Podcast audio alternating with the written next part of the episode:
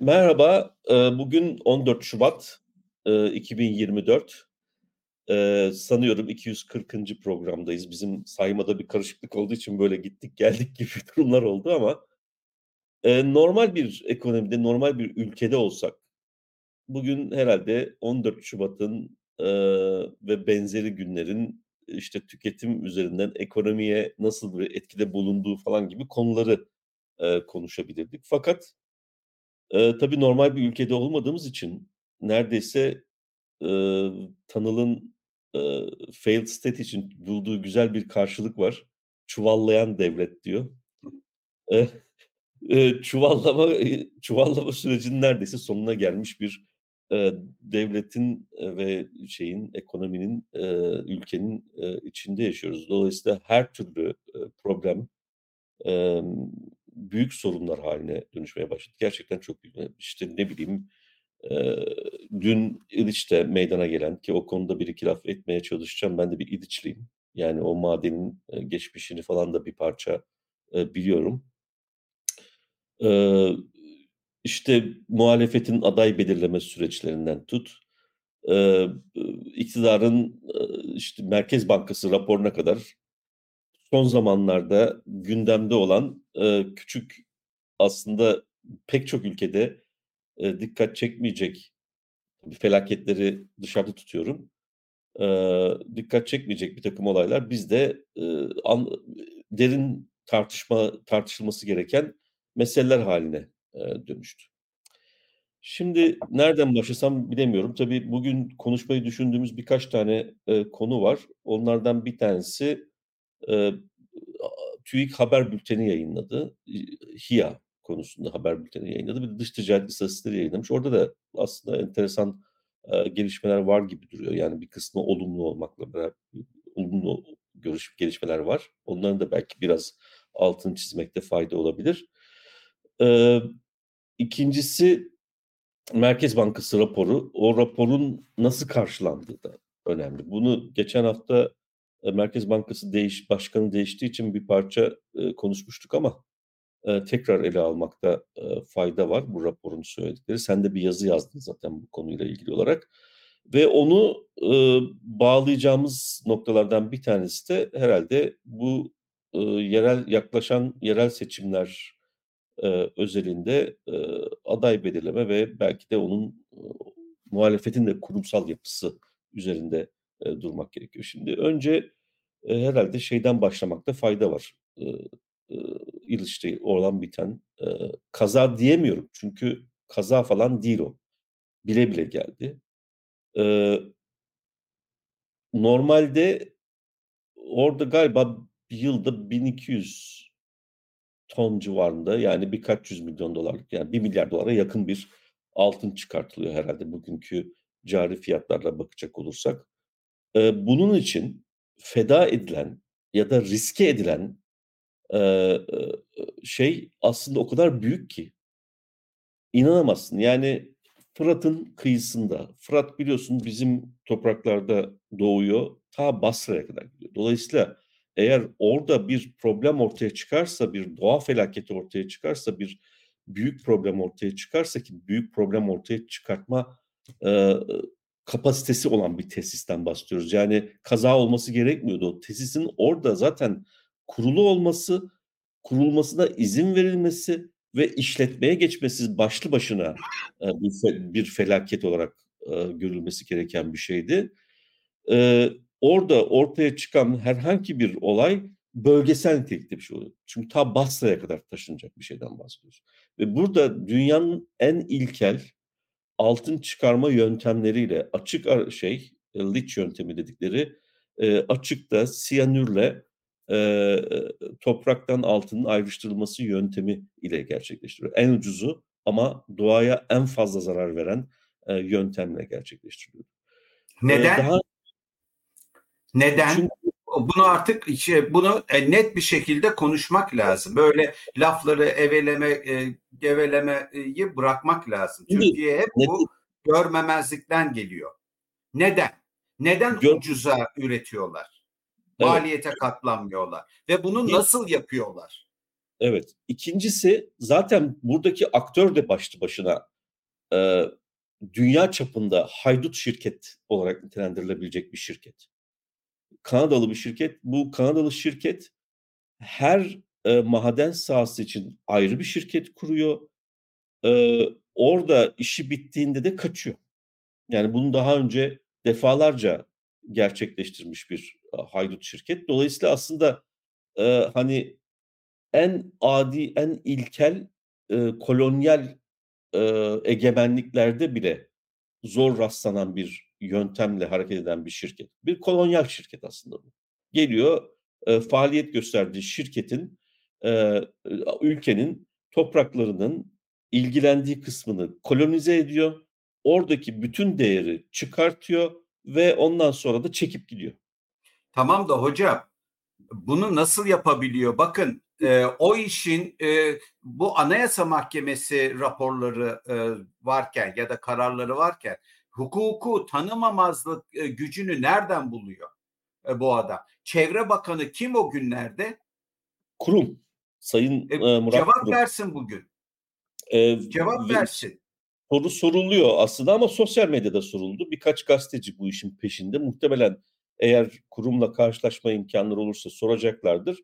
Ee, ama ben cevap vereceğini sanmıyorum. Şimdi orada yoğun bir mücadele yürütüldü. Yeşiller Partisi, Yeşil ve Sol Gelecek Partisi, çeşitli partiler, e, sivil toplum kuruluşları e, sürekli buna dikkat çektiler. Mahkeme açıldı, çet iptal davası açıldı. E, ama e, çet iptal davası reddedildi. Yani adalet sistemi de e, bu işin e, sorumlularından bir tanesi. Bunda geçen yıl yanılmıyorsam ya da iki yıl kadar önce bir sızıntı oldu, siyanür sızıntısı. E, orada böyle geçiştirildi. 8 kilo canım bir şey değil falan dediler. Fırat'a karıştı. O O Fırat'a karıştı. karıştı. Evet, şimdi burada ne olduğunu tam olarak bilmiyoruz. Bir, her şeyden önemlisi kaç kişinin e, burada hayatını kaybettiğini bilmiyoruz. 9 kişi diye bir açıklama var. E, ama temas kurulamayan 9 kişi falan filan deniyor. Yani orada herhalde 400 küsür kişi çalışıyordu. E, ve bu, bu çerçevede bunun e, sonuçlarını bilemiyoruz. Bu konuda büyük ihtimalle gerçekte kaç kişinin toprak altında kaldığını öğrenme şansımız olmayacak. Çünkü deprem pratiğinden e, biliyoruz işte 50 bin denildi ama ondan sonra pek çok farklı göstergeyle e, baktığımızda bu 50 binin çok üzerinde bir kaybımız olduğunu e, e, düşünüyor herkes. Dolayısıyla zaten devletin o hani çuvallayan devlet diye girmiştim ya başta fail state'lere özgü karakterlerin e, büyük bir kısmını artık faaliyetlerinde görünür halde olduğunu e, söyleyebiliyoruz. Burada da aynı durumla karşı karşıyayız. İkincisi e, büyük bir toprak şeyi var. Bilmiyorum sosyal medyadaki videoları görme fırsatın oldu mu?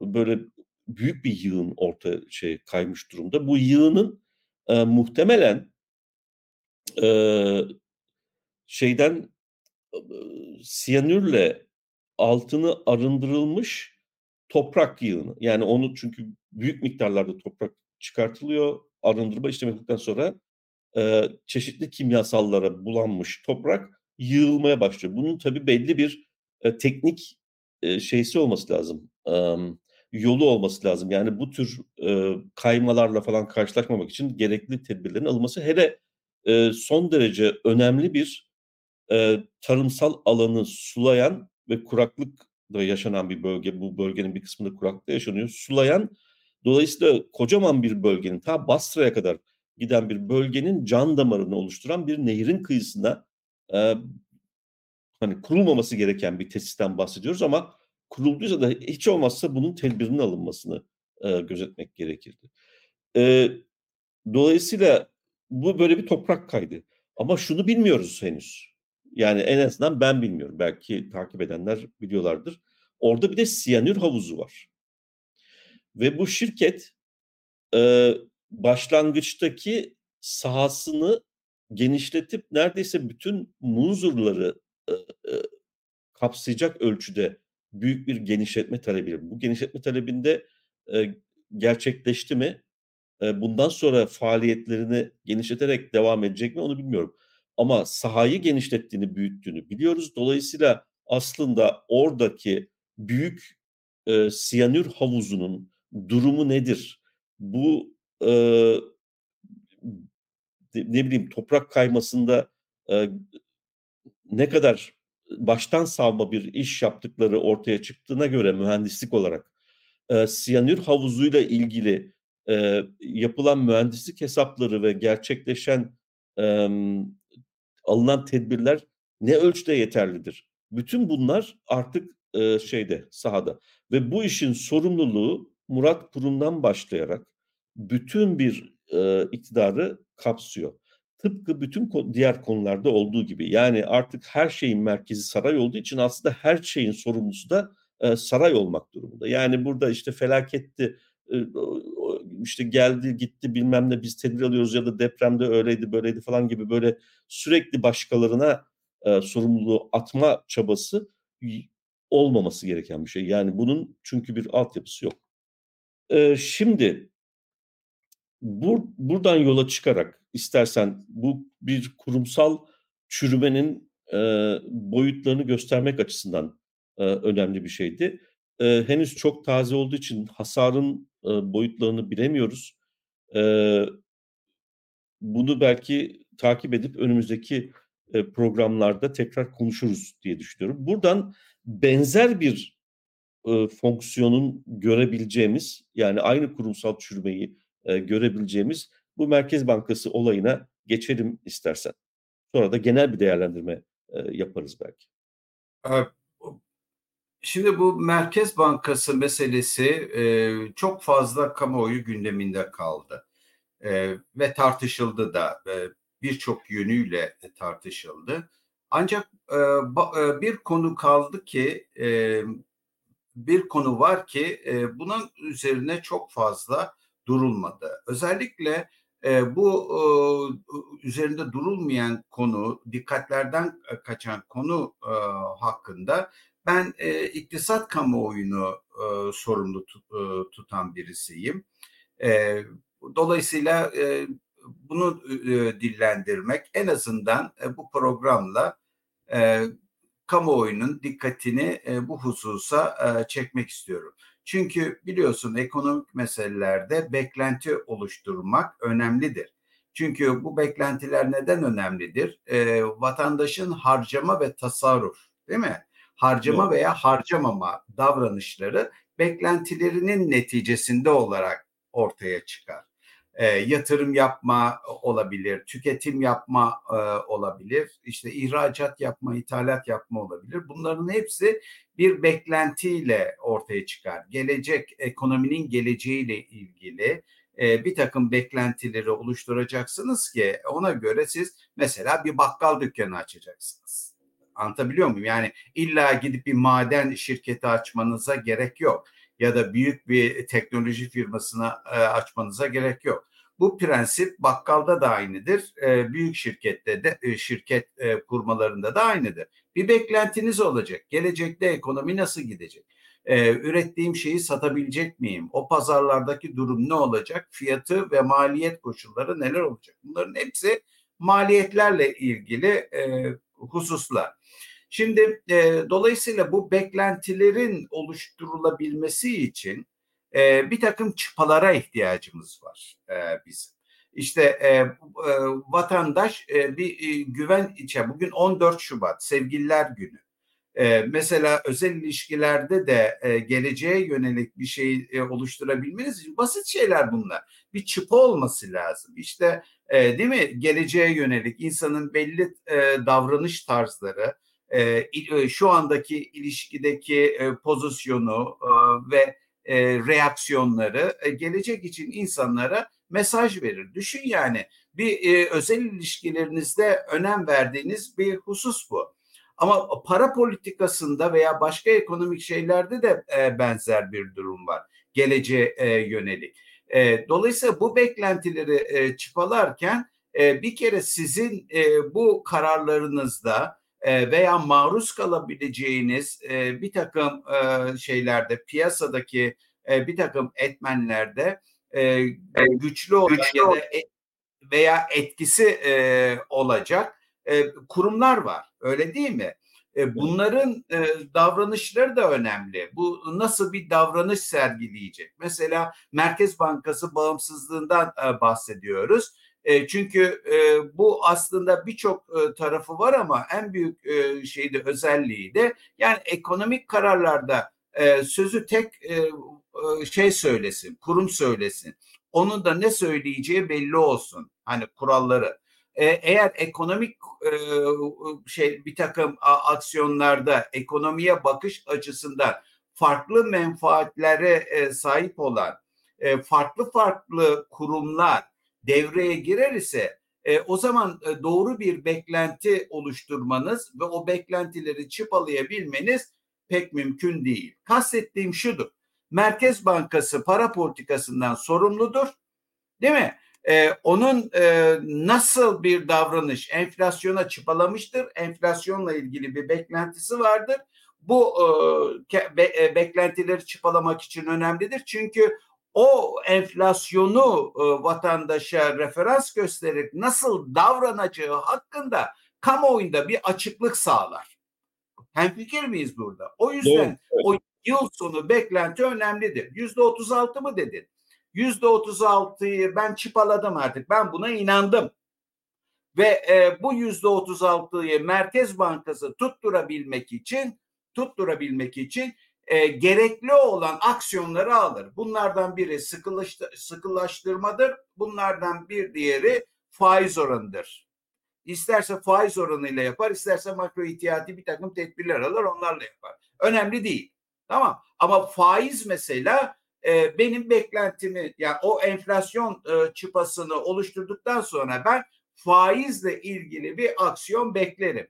Nasıl beklerim? Ekonomide enflasyon o yüzde otuz altıyı tehlikeye sokacak. Bir fiyat hareketi, bir arz şoku olursa piyasada veya bir talep şoku olursa biz iktisatçılar genelde böyle konuşuyoruz biliyorsun. Arz yönlü gelenler e, bir takım evet. maliyetler falan arz şoku diyoruz.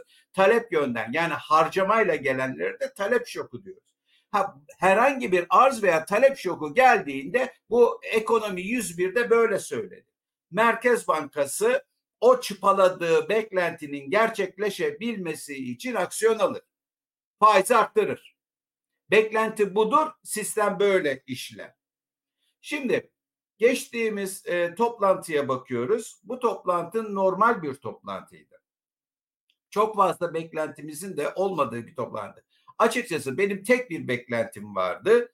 E, ekonomide e, mevcut e, yani Merkez Bankası'nın iddia ettiği bir sıkılaştırma tezi var.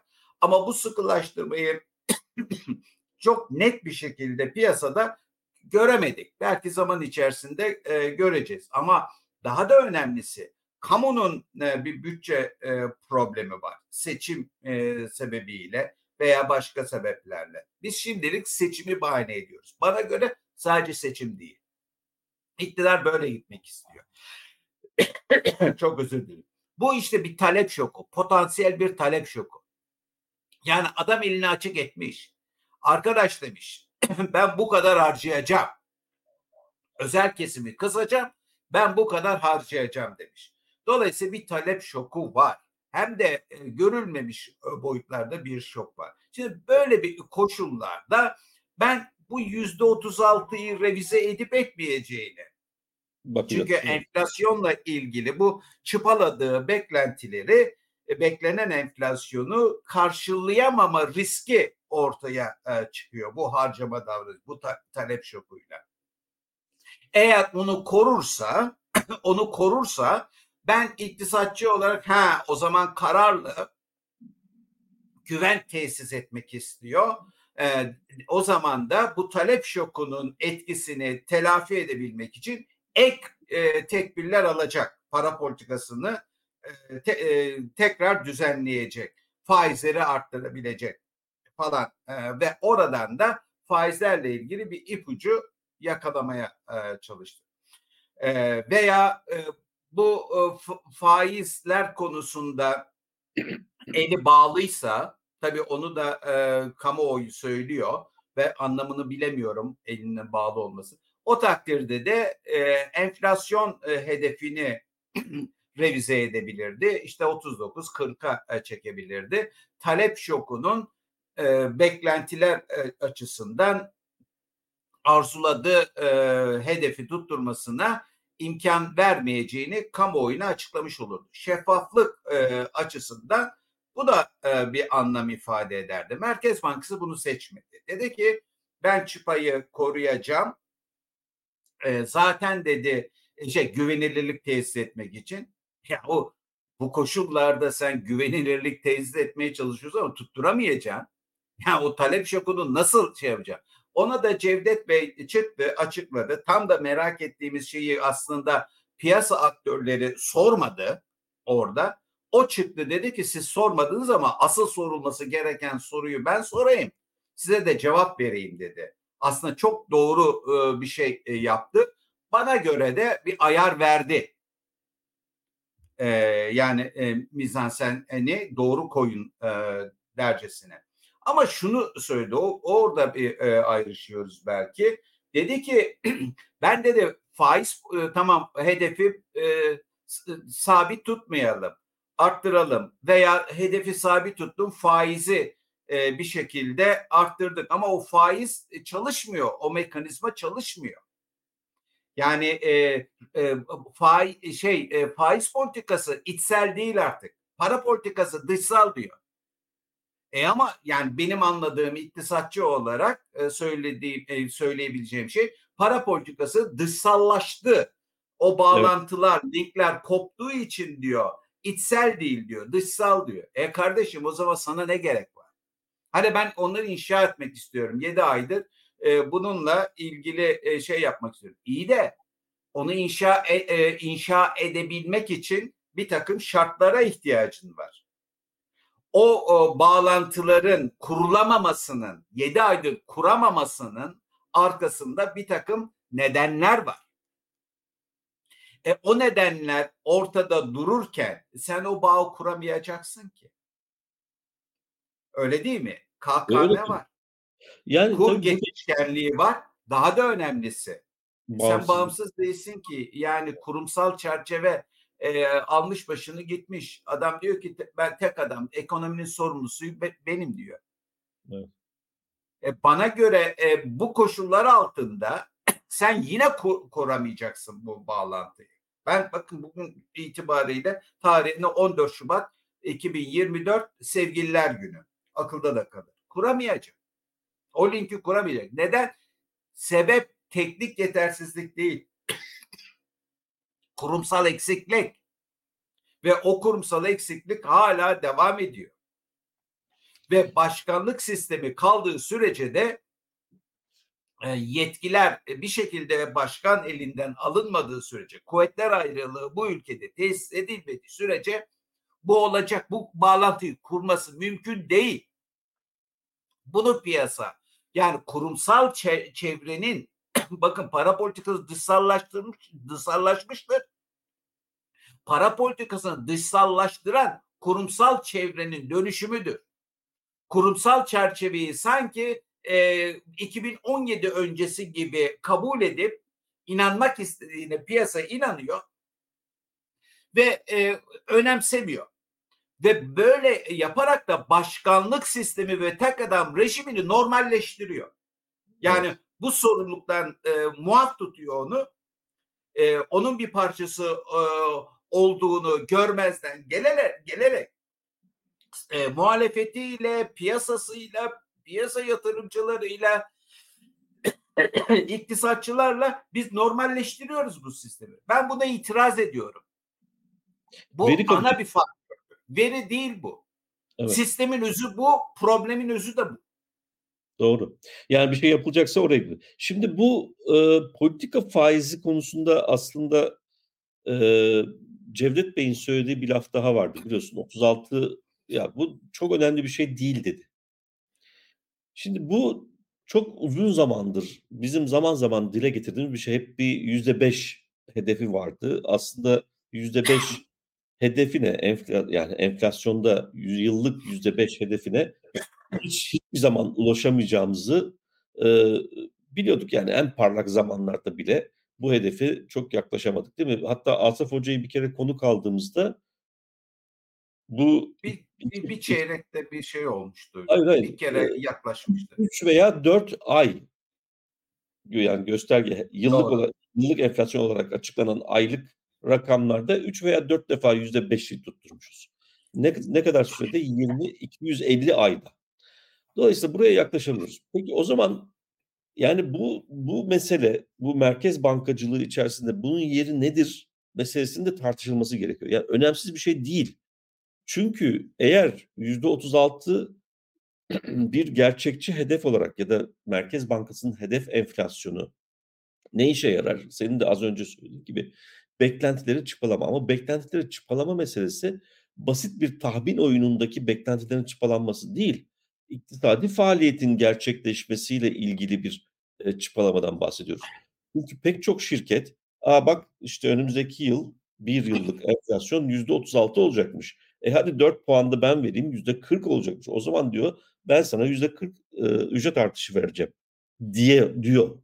Ya da işte gelecekteki fiyat e, artışlarına bağlı kontratlarda, sözleşmelerde e, bunun bir yol gösterici olması gerekiyor. Dolayısıyla bu sıradan bir şey değil. Yani e, canım çok da önemli değil denilip de geçilebilecek bir şey değil. Eğer bu çok önemli değilse o zaman enflasyon hedeflemesinden vazgeçin. Bunu açıklasın. Sistemin sistemin yarattığı riskler var ve Merkez Bankası ve Cevdet Bey'in açıklamaları ve Merkez Bankası'nın genel tavrı bu sistemik riskleri göz ardı ediyor. Evet. Ve bunu fiyatlandırmıyor. Piyasada Fiyatlan... fiyatlandırmıyor. Evet ve bu az önce söylediğim gibi bu sıradan bir şey değil. İktisadi faaliyetin içerisinde sözleşmelerin ya da iktisadi faaliyetlerin gerçekleştiği fiyatların e, kökünü oluşturan bir şey. Dolayısıyla burada eğer Merkez Bankası yol göstermeyecekse o zaman piyasa aktörlerinin kendi beklentileri devreye giriyor. Kendi beklentileri devreye girdiğinde de işte o %36 hedefinin uzağına düşme konusunda e, büyük bir kendini nasıl söyleyeyim büyüten bir kısır döngü oluşuyor. Çünkü Merkez Bankası'nın çıpası gerçekçi değilse bunun önemli olmadığı bu çıpayı koyan tarafından e, deklare edildiği andan itibaren e, piyasa aktörleri koruyucu fiyatlamaya geçiyorlar. Bu nasıl olsa yüzde otuz altının çok üstünde olacak. E kaç para olacak onu da bilemiyor. Kendi kafasına göre bir tahmin yapıyor ve bu fiyatlamada e, eğer talep koşulları uygunsa karşı tarafta mesela ne bileyim e, çalışmaktan başka çaresi olmayan ücretliler duruyorsa karşısında e, ona diş geçirebiliyorsa o zaman o zaman e, kendi çıkarı ne, ne neyi öngörüyorsa o türde bir e, çıpa, o türde bir fiyat. Lafını yok. kesebilir miyim? Özür dileyerek. Yok yok tabii. E, raporda ifade edilen ve kamuoyunda iki, e, iki haftadır tartışılan bir husus var ya da bir haftadır tartışılan bir husus var. Merkez Bankası'nın e, ger, e, 2023 yılı gerçekleşmesiyle e, işte 6 ay önceki enflasyon beklentisi arasında 23 küsürlük bir fark puanlık bir fark oluştuğu söyleniyor ve bu farkın içerisinde e, farkın 1.3'ü ya da 1.5'u diyelim ücret artışlarından hani çok e, söyleniyor ya sorumlu tutuluyor ya e, 1.3 puanı ücret e, yoluyla maliyetten geldiğini ve önemli bölümünün de 13-14'ü de e, deforme olmuş fiyatlandırma davranışından kaynaklandığını söylüyor. Ben soruyorum şimdi deforme olmuş ya da nasıl ifade ediliyor kelimesini şu anda e, hatırlamıyorum. O fiyatlandırma davranışında o deformasyonu yaratan nedir? E bu tavırlar işte. E, sistematik yani e, ekonomi sisteminin, yönetim sisteminin yarattığı kimse güvenmiyor aslında. Bakın e, sandıkta AK Parti'ye oy verebilir, iktidarı destekleyebilir. Ben onlara bakmam gerçek şeyine, e, yani niyeti açısından iş dünyası ve sermaye fiyatlandırma davranışında bu sistematik riskleri, bu kötü yönetimi fiyatlarına yansıtıyor. Orada gösteriyor. Çünkü olay çok duygusal. Gerçek fikir oradadır. Bunu değiştirmeden de o duygusallığı e, kontrol edemezsiniz. E bunun Tabii. üzerine hiç kimse bir şey söylemiyor. Ben bunu anlamıyorum. E, çünkü işte burada az önce sözünü ettiğim gibi aslında buradan e, e, her iktisadi aktör e, benzer şekilde etkilenmiyor. Kimi az miktarda insan diyelim e, bu işten çıkar sağlıyorlar. Yani böyle karanlıkta yürümek belki e, bir takım iktisadi aktörlerin işine geliyor. Onlar e, herhalde bu piyasa iktisatçısı dediğimiz şeyleri yapıyor. Bir de tabii burada biz iktisatçı bakış açısıyla sürekli meseleyi ele alıyoruz. Ama piyasa iktisatçıları finansal açıdan bakıyor. Şimdi gerçekten e, Sayın Akçay e, bu 36'nın çok önemi yok arkadaşım. Biz iddialı bir hedef koyalım. Yetişip ona ulaşamazsak da ulaşamamış oluruz. Bunun nedenlerini şey yaparız ama e, işte insanları bisikletin altında tutmuş oluruz diyor. Şimdi bu bir finansçı bakış açısı. Çünkü burada az önce altını çizmeye çalıştığım e, bu göstergenin iktisadi faaliyet içerisinde taşıdığı önem ihmal ediliyor. O öyle bir şey hani uzaklarda bir soyut hedef olarak duruyor. E buna ne kadar yaklaşıp yaklaşmayacağını da aşağı yukarı bu finansal e, aktörler tahmin ediyorlar kendilerince. Dikotomi, dikotomi var evet. kabul ediyorlar. Neoklasik. Evet. evet. Dolayısıyla onlar için e, olursa da olur, olmasa da olur, olmaz. Yani sonuç itibariyle anlık günlük meseleler üzerinde e, karar verme durumunda bu insanlar. Yani uzak geçmiş onlar bir yıl sonrası onlar için zaten çok e, dikkate alınan bir şey değil. E, büyük ölçüde dikkate alınan bir vade değil yani bir yıl sonrası. Finansal piyasalarda çünkü çok daha e, süratli alışveriş. Dolayısıyla orada odaklandıkları mesele işte dövizli kitlesi ne durumda bilmem ne falan filan. Neyse o, o meseleleri çok konuşmamız için geçiyorum. Şimdi ikinci unsur da çok e, acayipti. Yani linklerin koptuğunu sen altını çizdin. Linkler koptu. Ne linki koptu? Politika faizi bir anlam taşımıyor diyor. İşe yaramıyor diyor. E o zaman niye faizle uğraşıyorsun? Peki doğru. E, bunun farkında, bunun kötü bir şey olduğunu farkında. Bunu 7 aydır bunu test etmeye çalışıyoruz diyor. Peki o zaman niye koptu sorusuna bir cevap vermiş oluyor aslında. Yani kendince bunu gidermeye çalıştığına göre bu soruyu sormuş Merkez Bankası yönetimi ve bir cevabı var ve bu cevabı çerçevesinde de bu linkleri tekrar kurmaya çalışıyor anlıyorum ben. Peki nedir? Bir kere sen altını çizdin. E, bu linkleri kopartan aslında zaten ülke içerisinde bütün kurumsal zafiyeti yaratan ne bileyim bu işte İliç'teki madenin e, başımıza çör, ördüğü çoraptan tut e, ne bileyim e, Mersin'deki nükleer santralin yani Rusya'nın yüzde yüz Rus malının e, Türkiye topraklarında e, sadece riskiyle bulunması ve üstelik bizim buna çeşitli şeylerle e, destek olmamız. Bu arada o maden şirketinin de bütün vergileri silinmiş teşvik kapsamında geçen sene. E, e, milletvekilinin dahi giremediği bir alandan bahsediyoruz ve bu e, iktidarın yönetim kapasitesinin e, ve yönetim anlayışının en çıplak bir şekilde ortaya çıktığı e, alanlardan bir tanesidir.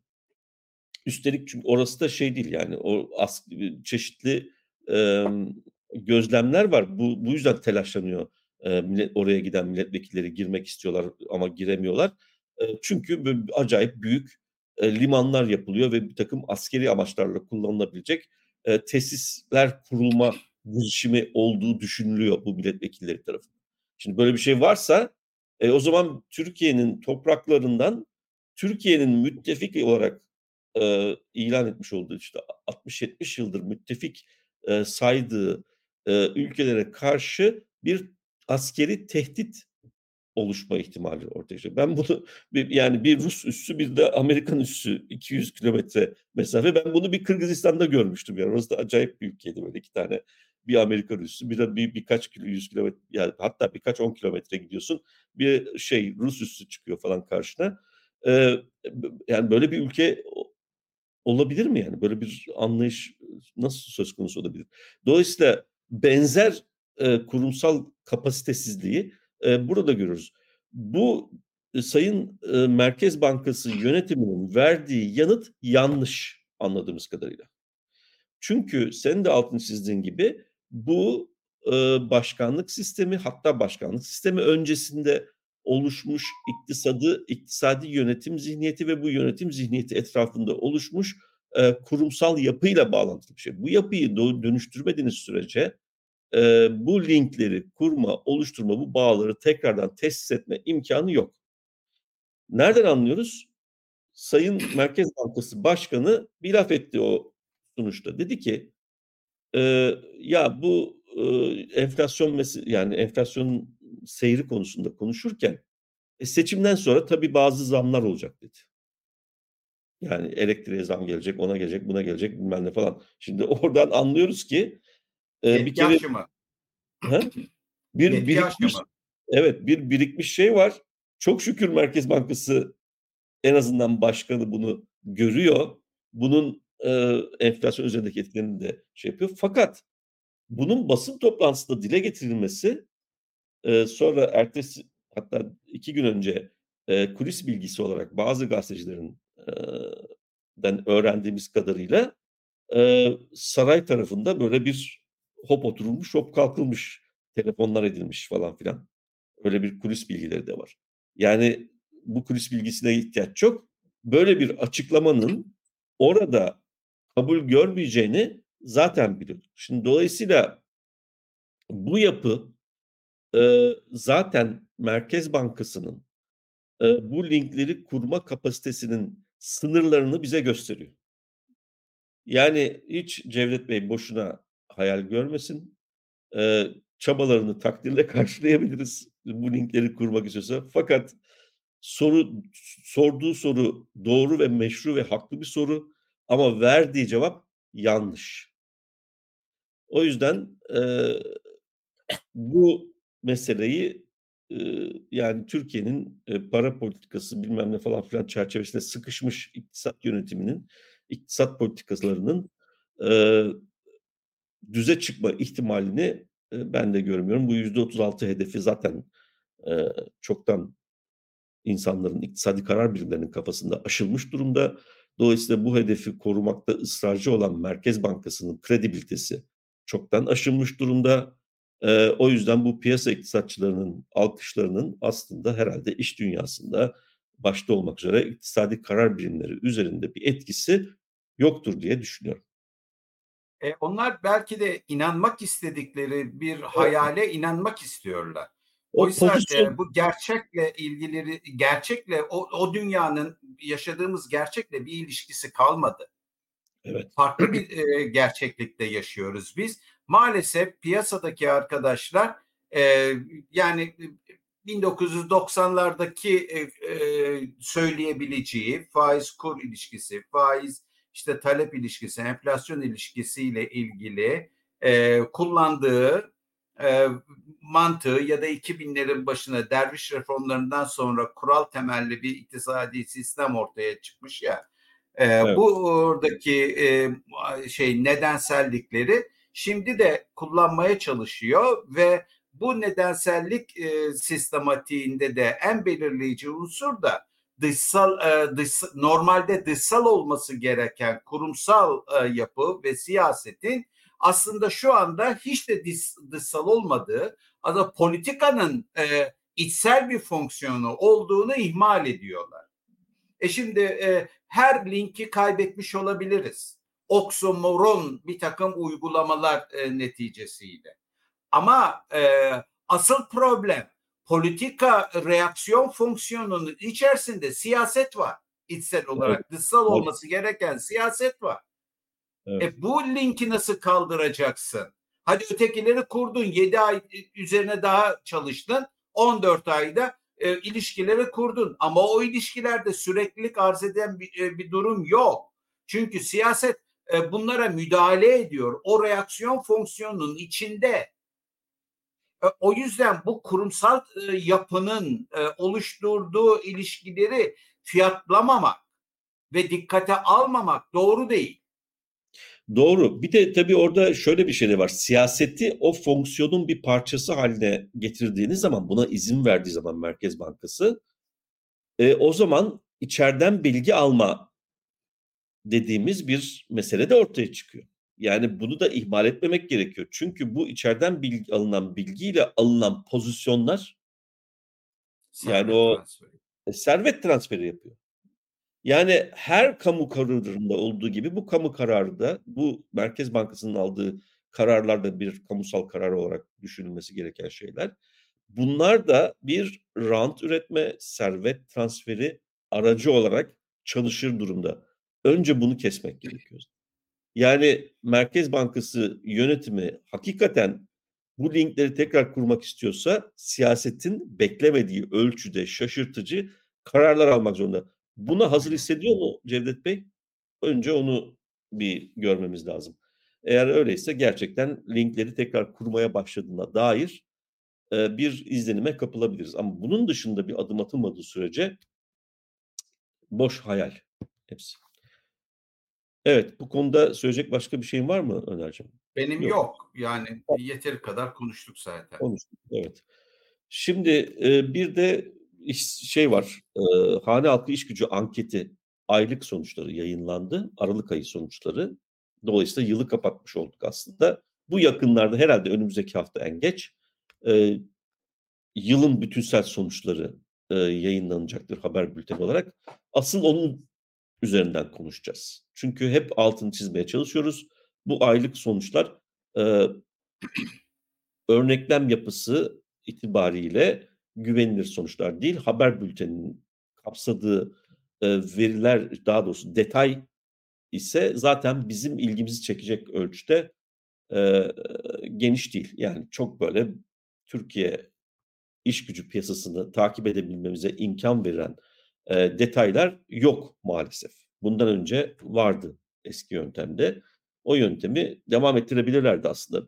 Hem değişiklik yapıp hem de e, o mantığı devam ettirebilirlerdi ama olmadı. O yüzden aylık şeylere, bültenlere pek ilgi göstermiyoruz. Ben daha çok Betam'ın e, haber bülteni yayınlandıktan hemen sonra yayınladığı e, şeyden takip ediyorum. Çünkü orada meclisel olarak düzeltilmiş e, rakamlar ve uzun e, tarihsel e, seriler halinde izleme imkanı var. E, şimdi işsizlikte bir düşüş var. Yani 8.8'e düşmüş. 0.1'lik 1 puanlık bir azalışla Aralık'ta. Neye göre? Mevsimsel olarak düzeltilmiş rakamlara göre. Çünkü o mevsimsel düzeltme önemli. Türkiye'de iş gücünde halen iş gücü hareketlerinde, iş gücü piyasasında halen güçlü sayılabilecek bir mevsimsellik var. O yüzden mevsimsel olarak düzeltilmiş rakamlarla gitmek gerekiyor ki eğilimi gerçek anlamda e, görebilelim. E, 8.8'e düşmüş. Peki o zaman soruyoruz bu işsizliğin kaynağı, işsizlikteki düşüşün nedeni ne diye. Bunun iki nedeni olabilir. A, iş gücü piyasasından çekilme söz konusu olabilir. Dolayısıyla işsiz sayısı, iş arayan sayısı azaldığı için e, düşme olabilir. B, iyi olan tarafı istihdamdaki artışla beraber gerçekleşir. Burada istihdamda bir artış olduğunu görüyoruz. E, 399 bin e, artış var istihdamda. Şimdi bu iyi haber. Peki o zaman bu istihdamdaki artış nereden gelmiş diye e, sormamız gerekiyor. Orada şaşırtıcı bir şey var. Şaşırtıcı ama daha önce gördüğümüz bir mesele. Kadın istihdamındaki artış 208 bin. Yani 399 bin istihdam artışı tahmin ediyor. Aralıklı olarak düşünecek olursak bile. Bunun 208 bini kadın istihdamındaki artıştan geliyor. Bu çok şaşırtıcı. Çünkü hep herkesin bildiği gibi kadın istihdamı aslında toplam istihdamın üçte bir seviyesinde bile değil. Yüzde 31, 32 o civarlarda. Dolayısıyla böyle olması bekleniyor. O zaman kadın e, istihdamında güçlü bir artış varsa bunu sormamız gerekiyor. E, bu istihdamın niteliğine bakmamız gerekiyor. Ama elimizde bu istihdamın niteliğini net olarak ortaya koyabileceğimiz bir tablo yok. Yani detay yok e, verilerde. Ancak e, bir ipucu var. O da e, manşet işsizlik oranı ve alternatif işsizlik oranı diye böyle artık 3-4 tane işsizlik oranı açıklanıyor ya. Orada e, atıl iş gücü oranı e, iki aydır yükseliyor. Bunu görüyoruz net olarak. potansiyel iş gücü ve işsizlerin bütünleşik oranı diye bir şey var. Yani aslında çalışabilecek olduğu halde iş aramayan e, insanlar burada gözüküyor. Orada böyle bir son aylarda bir stabilite söz konusu. Zamana bağlı eksik istihdam ve işsizlerin bütünleşik oranı diye bir e, işsizlik türü daha var. O da atıl iş gücü oranındaki artışa benzer bir artış var. Yani dolayısıyla atıl iş gücü oranındaki artış e, eksik istihdamdan geliyor.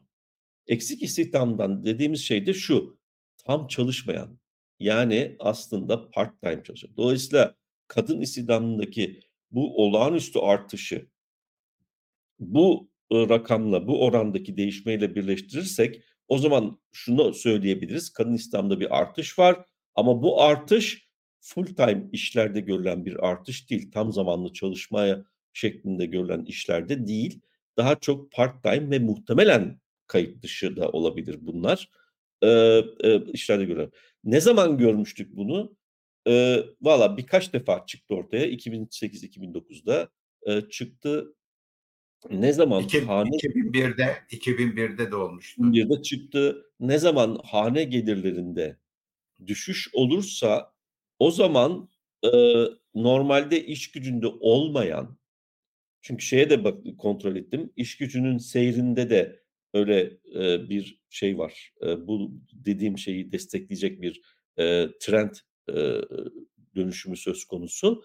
E, ne zaman hane gelirlerinde bir düşüş olsa normalde e, rezervasyon ücretiyle şununla bununla falan işte çeşitli yetersizliklerle iş gücünde olmayan, e, istihdam, iş aramayan yani iş gücünde bulunmayan e, aile bireyleri e, iş arar duruma düşüyorlar.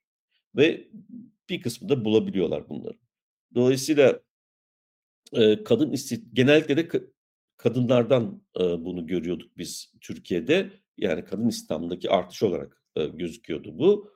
E, bunlar işte e, büyük ölçüde daha önce söylediğim gibi enformal, e, büyük ölçüde eksik çalışmaya dayalı part-time işlerde e, buluyorlar. Dolayısıyla buradan çıkarttığımız sonuç bir önceki şeyle de e, birleştirecek olursak e, yoksullaşma, işte e, gelir dağılımındaki aşırı bir sıçramalı bozulma e, gibi konularla da birleştirecek olursak e, Türkiye'de bunalımın iktisadi bunalımın derinleşmekte olduğunu gösteren e, güvenilmez bir gösterge. Güvenilmezliği az önce söylediğim en başta söylediğim gibi e, örneklem yapısından e, kaynaklanıyor ama yıllık veri önümüzdeki hafta haber bülteni elimize geçtiğinde Haziran ayında da herhalde mikro verisi elimize geçtiğinde e, daha detaylı analizler yapma imkanımız olacak. E, iş gücü piyasasının durumu budur Sayın Hocam. Bence çok güzel bir özet oldu. E, ama süremizin de sonuna geldik e, evet. anladığım kadarıyla. E, son konumuzu daha bütünsel bir dosya olarak e, aynı zamanda e, önümüzdeki hafta bu hafta yaşayacağımız gelişmeleri de dikkate alıp önümüzdeki haftaki programda mı ele alsak acaba? Bir teaser verelim istersen 3-5 dakika. Ee, yani yetmeyecek de o yüzden. Peki. Yanlış anlaşılma ihtimalimiz de olabilir. Tamam peki. Evet. Öyle. Bu haftalık evet, bu kadar. Muhalefetin kurumsal yapısını önümüzdeki haftaya bırakıyoruz o zaman. Aynen. Aynen. Aynen. Tamam. Bu haftalık bu kadar olsun.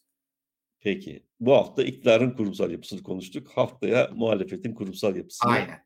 konuşmak, konuşmak üzere. üzere. Hoşçakalın. Hoşçakalın.